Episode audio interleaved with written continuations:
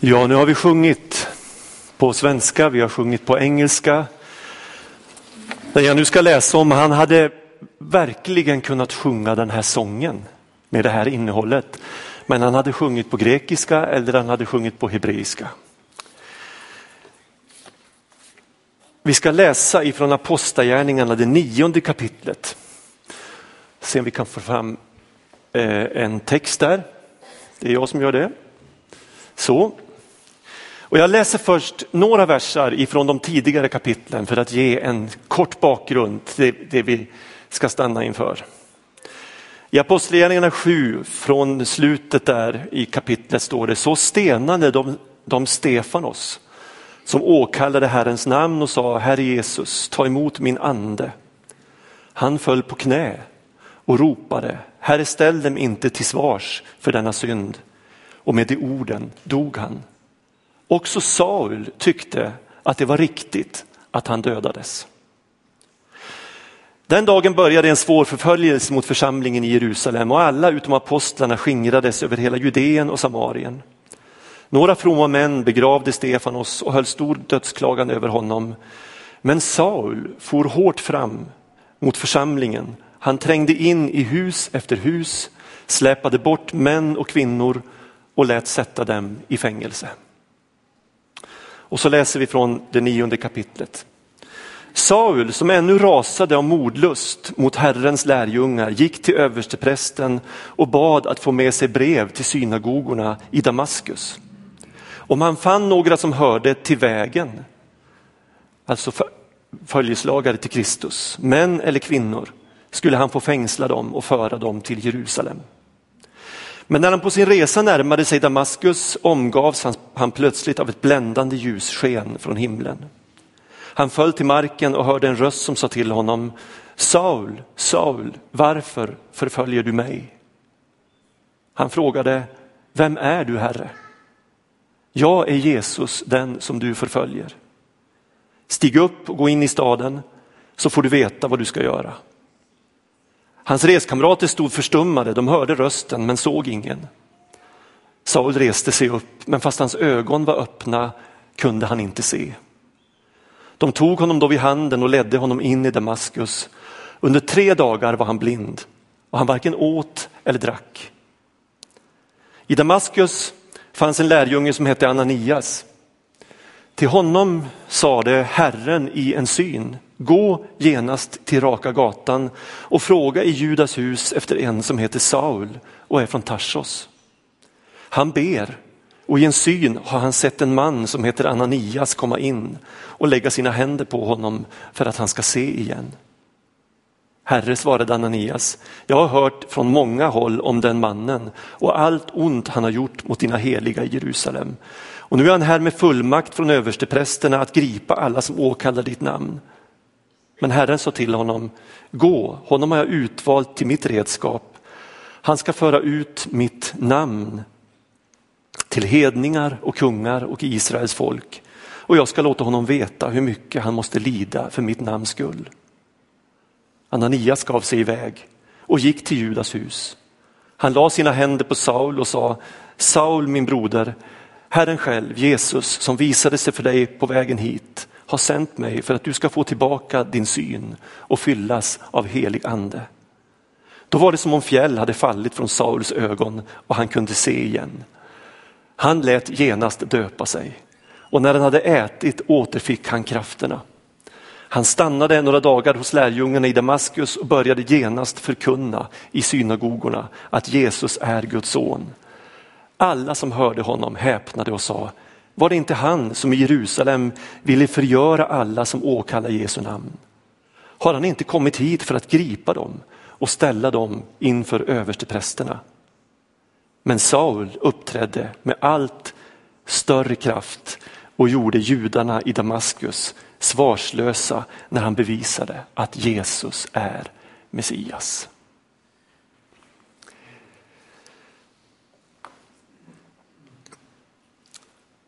I Apostlagärningarna så finner vi många nycklar till ett fungerande kristet liv. Till ett fungerande församlingsliv. Jag har talat om bönen, i tidigare predikningar, bönens betydelse. Jag har talat om att vi aldrig kan överdriva vårt beroende av den helige ande. Jesusförtroendet som fick lärjungarna att följa Kristus i ett frimodigt lärjungaskap. Lydnaden för vad Jesus hade sagt, förmågan att hantera kriser och motstånd på rätt sätt, vikten av gemenskap och generositet. Och min senaste predikan här i kyrkan var från Apostlagärningarna 7, handlade om den Stefanos som vi läste om i början av den här textläsningen. Den kristna kyrkans första martyr. En radikal lärjunge för vilken det var allt eller inget. Han fick uppleva en kristendom som fungerade i livet, som höll inför döden. Och i söndags i Örslösa Pingstkyrka predikade jag från Apostlagärningarna 8 om naturlig evangelisation. Idag är temat sökt av Gud. Och jag älskar livsberättelser, sådana som den här som vi läste nyss. Vår berättelse är kanske det finaste vi kan ge varandra. Och I söndag så uppmuntrar jag alla som lyssnade att skriva ner sin berättelse, att faktiskt ta lite tid att fundera igenom hur ser min livsresa ut? Hur ser trons resa ut i mitt liv? Skriv ner det så att du kan berätta det för andra. Din berättelse kan förändra en annan människas liv. Framförallt älskar jag berättelser som just handlar om det vi läste om, alltså människors väg till Gud. Jag får aldrig nog av sådana berättelser. Det var en högtidsstund att få sitta ner med Bo, att få sitta ner med Jesper och höra dem berätta om sin väg till Gud. Den här berättelsen som vi har läst i Apostlagärningarna 9 är kanske den mest häpnadsväckande och fascinerande som finns dokumenterad överhuvudtaget i historien.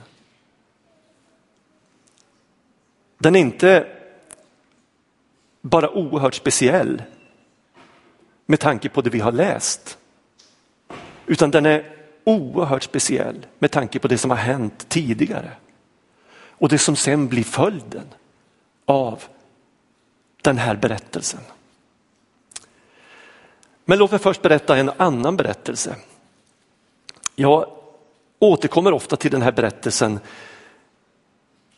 Det är Elisabeth Sandlund som har gett oss sin livsberättelse i en bok som heter Drabbad av det oväntade som gavs ut 2003. Och hon skriver bland annat så här i en sorts ingress. Jag blev kristen efter att han, Gud, slagit till. Plötsligt, kraftfullt och med en osviklig timing. Sannolikt vid den enda tidpunkt i mitt vuxenliv när pansaret runt hjärtat var tillräckligt uppmjukat för att insikten skulle tränga in. Den Gud som jag under mer än tre decennier ömsom aktivt förnekat, ömsom varit totalt likgiltig för, har överbevisat mig.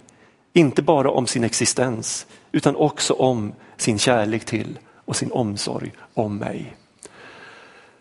Så inleds eh, den här boken och sen berättar hon. Eh, hon jobbar vid den här tiden eh, på Svenska Dagbladet. Hon var näringslivsjournalist på Svenska Dagbladet. Hon var strax under 50 år gammal, mitt i karriären med ett hektiskt liv runt omkring sig. Och hon beskriver att precis den här våren var första tillfället i hennes liv när hon befann sig i en djup, i en djup nedstämdhet som hon inte såg någon ände på. Mitt i allt liv runt omkring henne så upplevde hon att hon var som en maskin som skulle räcka till för sin man, för sin äldsta dotter, för sin yngre dotter som var utvecklingsstörd, för sin, sina föräldrar, för sina vänner, sin arbetsplats. Och hon kände, jag har ingen som jag kan prata med om det här. Hon eh, berättar vidare hur de anmälde den yngre dottern, den utvecklingsstörda dottern till ett konfirmationsläger. För de tänkte, inte för att vi tror, men hon kanske kan ha nytta av att ha en fast punkt i sitt liv. Anmäla henne till ett konfirmationsläger. Eh, och det blev en väldigt stark upplevelse för samtliga deltagare, även föräldrar, för det var ett läger för utvecklingsstörda. Och föräldrarna var med. Eh, och så kommer de till den avslutande nattvardsgudstjänsten. Och eh, Elisabet berättar att hon ser strömmen av ungdomar, strömmen av föräldrar som går fram och det slår henne vad ledsen våran dotter kommer att bli. Att ingen från hennes familj står där framme. Så hon knuffar på sin äldre dotter och säger, kan inte du gå fram? Hon vägrar. Hon säger, jag vågar inte ens fråga min man. Utan hon reser sig själv. Hennes man knuffar på henne och, och säger, eh, vad tar du dig till? Ja, men jag, vi, vi måste, jag måste gå fram för min dotters skull. Ja, men det finns gränser, säger han. Men då är hon redan på väg. Hon kommer fram till nattvardsbordet. Och precis när det är hennes tur att få brödet så tar brödet slut. Under 15 sekunder blir hon stående där medan prästen går och hämtar mera bröd. Och de 15 sekunderna räcker för att någonting ska hända i hennes liv. Och hon inser och säger till sig själv, jag står inte här för min dotters skull. Jag står här för min egen skull. Och så tar hon nattvarden och så börjar en resa, först fyra nätter av sömnlöshet. Och till slut kapitulerar hon inombords för första gången i vuxen ålder, knäpper hon sina händer och säger okej okay, Gud, jag ger mig. Du finns. Förlåt mig. Och så börjar en rundvandring i Stockholms kyrkor. Hon försöker vara så anonym som möjligt. Hon smyger in bakvägen. Hon avverkar den ena kyrkan efter den andra.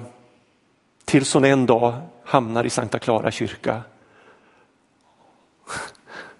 Wow, hör jag du ser att du säger det. Ja, wow. Och där sluts cirkeln. Jag ska återkomma till det längre fram i predikan. Jesus uppenbarar sig för Paulus i texten vi har läst. Den man vi möter i inledningen av den text jag läste framstår som en religiös fanatiker.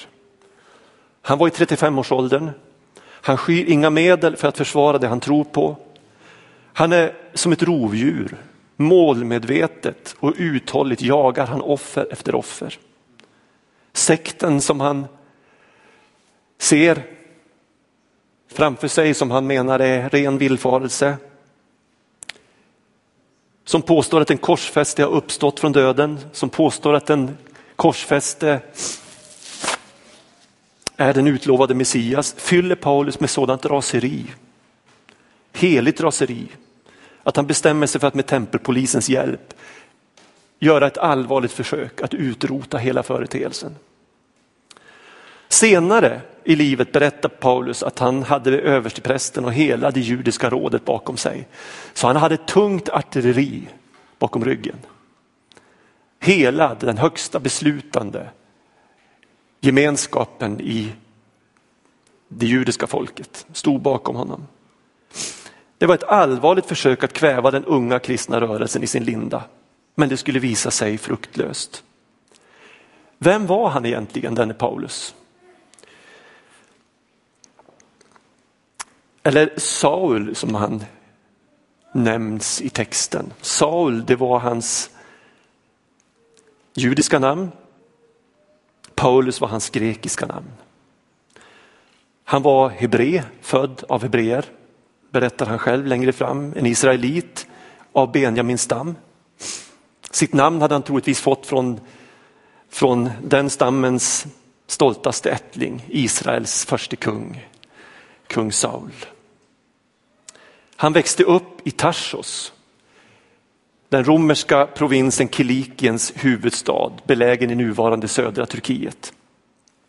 Och det här var eh, inte vilken stad som helst. Det här var på något sätt brytningspunkten mellan öst och väst i det väldiga rike som sträckte sig ända från Atlantkusten ända bort till floden Eufrat i nuvarande Irak i öster. Och redan på 300-talet före Kristus så var den här staden Tarsos en, en stor betydande stad. eh, Eh, där grekisk och orientalisk kultur mixades. Vi kan tänka oss den fascinerande blandningen. Eh, här växte Paulus upp. Stadens universitet kunde mäta sig med Atens berömda akademi. Framstående filosofer samlade stora grupper i den här staden. Och här fanns också en stor betydande judisk koloni och flera stora synagogor. Här växte Paulus upp. Här bodde han fram till han började högre studier i Jerusalem. Någon gång motsvarande vår gymnasieålder. Han var tvåspråkig. Han, han, han, I Tarsos talade man grekiska. Ehm, det var det dominerande språket. I hemmet talade man hebreiska, möjligtvis arameiska. Alla bibelcitat i Paulus brev som vi senare fick och som vi kan läsa idag, så är den bibel han använder i huvudsak Septuaginta, den grekiska översättningen av judarnas heliga skrifter, vårt gamla testamente. Pappan var av okänd anledning romersk medborgare.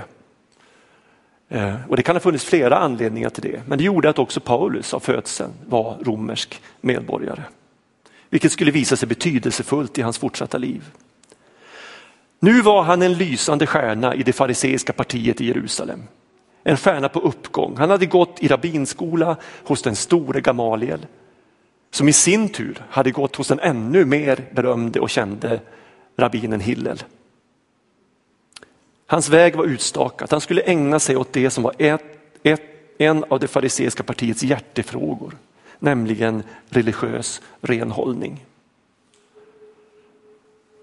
Vi kan vara övertygade om att ingen apologet i världen hade kunnat omvända Paulus med mänskliga argument. Jesus var död och begraven och alla hädare som påstod något annat, de skulle straffas. De skulle jagas i fatt och fängslas. Men för Gud är ingenting omöjligt. Den största motståndare idag kan vara en trons försvarare imorgon. Och det vill jag säga som en stark uppmuntran till dig som tycker att det ser helt omöjligt ut i din omgivning. Du kanske står som ensam kristen i ditt sammanhang och du tänker hur ska människor i min omgivning kunna komma till tro? För Gud är det möjligt. För vad är uppenbarelsens hemlighet? Ja, vi hör om skaror idag från muslimvärlden som möter Jesus i drömmar och syner och som likt Paulus frågar, vem är du Herre? Vad är en uppenbarelse? Ja, det är en erfarenhet som kullkastar alla andra mänskliga vägar och försök. Gud har ingångar i våra liv som vi inte automatiskt har tillgång till. Han kommer på vägar vi inte har förutsett. Och där vi inte har någon vakthållning. Han kommer med överbevisningens kraft direkt till vårt hjärta. Och jag tror inte jag gör våld på ordet uppenbarelse om jag säger att det Jesper upplevde efter fyra, fem gånger in i alfakursen är en uppenbarelse. När det intellektuella faller till marken och inte riktigt är lika viktigt längre därför att någonting har hänt här inne som gör att jag plötsligt vet någonting som jag inte visste tidigare.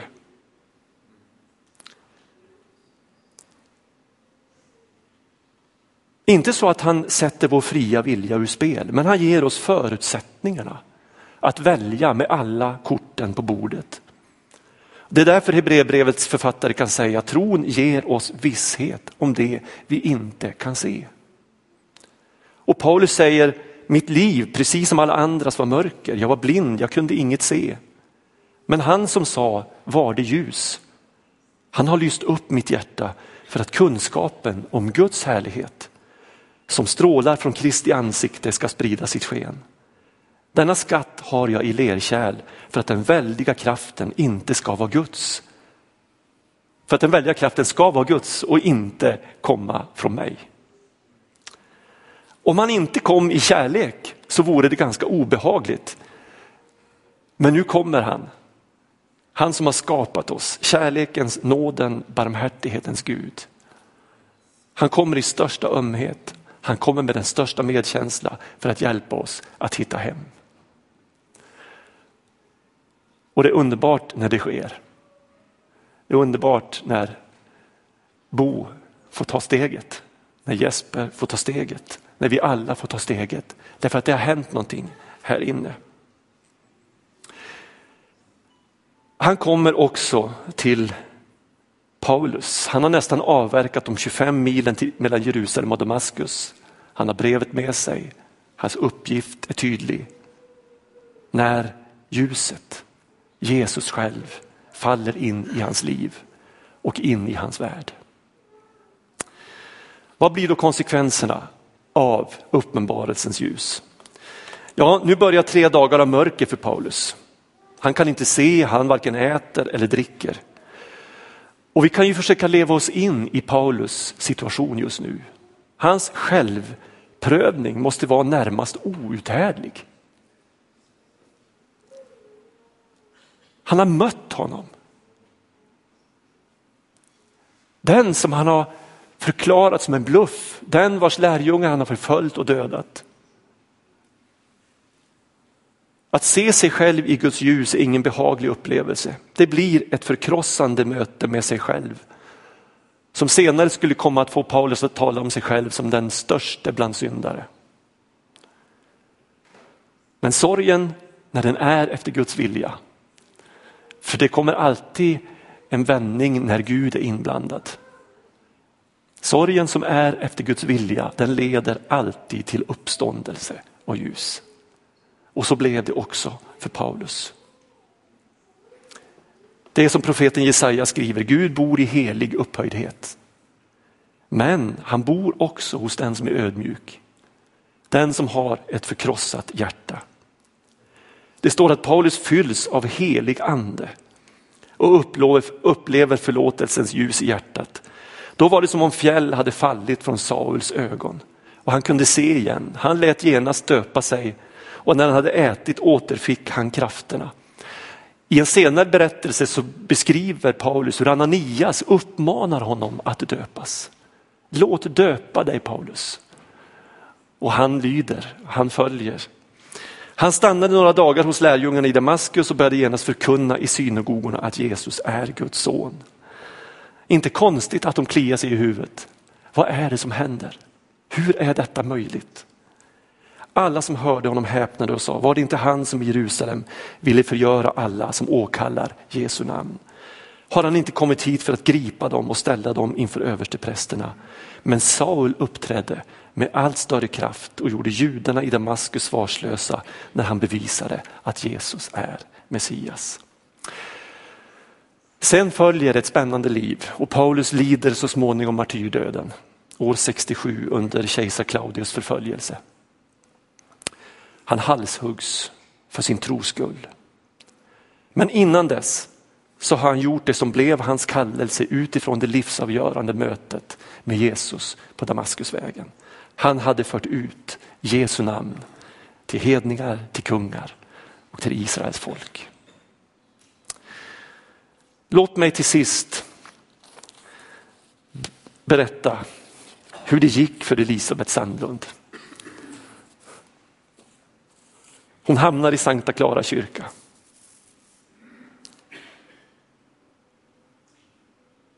Jag hade aldrig varit där. Jag hade inga större förväntningar när jag gick till tisdagsmässan. Knappt hade jag satt mig i bänken förrän jag visste med samma totala förvissning som i det lilla skärgårdskapellet några veckor tidigare att jag hade kommit hem. Att befrielsen fanns inom räckhåll. Tårarna rann efter nattvarden. Någon la armen om mig och gav mig en pappersnäsduk. Och när det inbjöds till förbön så hade jag lugnat mig så pass att jag kunde ta mig fram till altarringen, böja knä och få den hjälp jag behövde. Då och där blev jag en kristen. En solig augustiförmiddag 1999. När poletten äntligen föll ner. När det som på sin höjd varit grå teori blev levande verklighet. När jag insåg med hjärna och hjärta att förlåtelsen var avklarad. För mig, precis som för alla andra, på korset av Jesus Kristus. Mycket ändrades snabbt, synen på min dotter till exempel, behovet av diagnos till varje pris, sorgen över att hon aldrig kan bli normal. Normal falnade snabbt.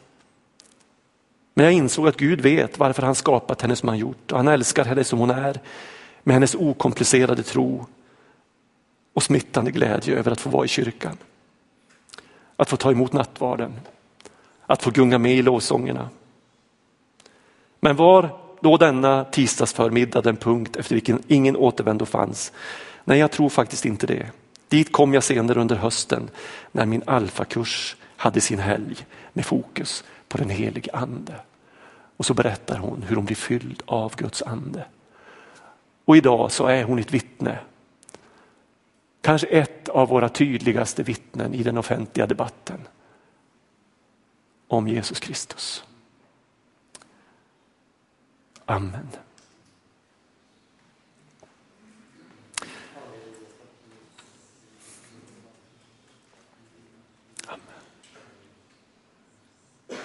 Herre, stilla oss inför det som nu ligger framför, inför det dukade bordet. Herre, du är lika närvarande som du var i det här skärgårdskapellet eller i Sankta Clara kyrka eller du var på vägen till Damaskus. Herre, vi tänker att vi är de stora sökarna, men du är den största sökaren av alla. Och du söker tills du finner. Jag vill tro att varje människa har en sökningstid i sitt liv. Kanske många. När du knackar på hjärtats dörr. När du vill flytta in. Och tack att du kommer med uppenbarelse. Tack att du kommer in på vägar vi inte kände till. Tack att du kan ge oss den där pusselbiten som gör att våra krampaktiga försök som så många gånger har misslyckats plötsligt byts i en upplevelse som gör att pusselbitarna faller på plats. Du känner oss alla här. Jag ber om din välsignelse över var och en av mina vänner som sitter här i Pingkyrkan eller som lyssnar vid radion. Tack att du är nära oss i Jesu namn. Amen.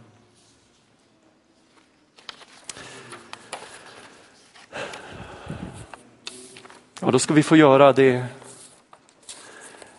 Elisabeth fick vara med om i skärgårdskapellet. Vi ska fira nattvard. Så när nu lovsångsteamet sjunger med oss så kommer nattvardstjänarna att gå ut och göra sig färdiga. Och så firar vi nattvard som avslutning på den här gudstjänsten. Låt mig bara säga att det kommer att bli möjlighet till förbön. Och förebedjarna kommer att sitta på, i en liten lucka som är längst bak i mittenpartiet här en bänk som är omvänd. Eh, och eh, på den sätter sig alla omvända. Eller som vill omvända om. Och eh, där sitter också några förebedjare. Och jag vill uppmana Jesper och Bo att ni, när ni har tagit nattvarden så går ni till den böneplatsen.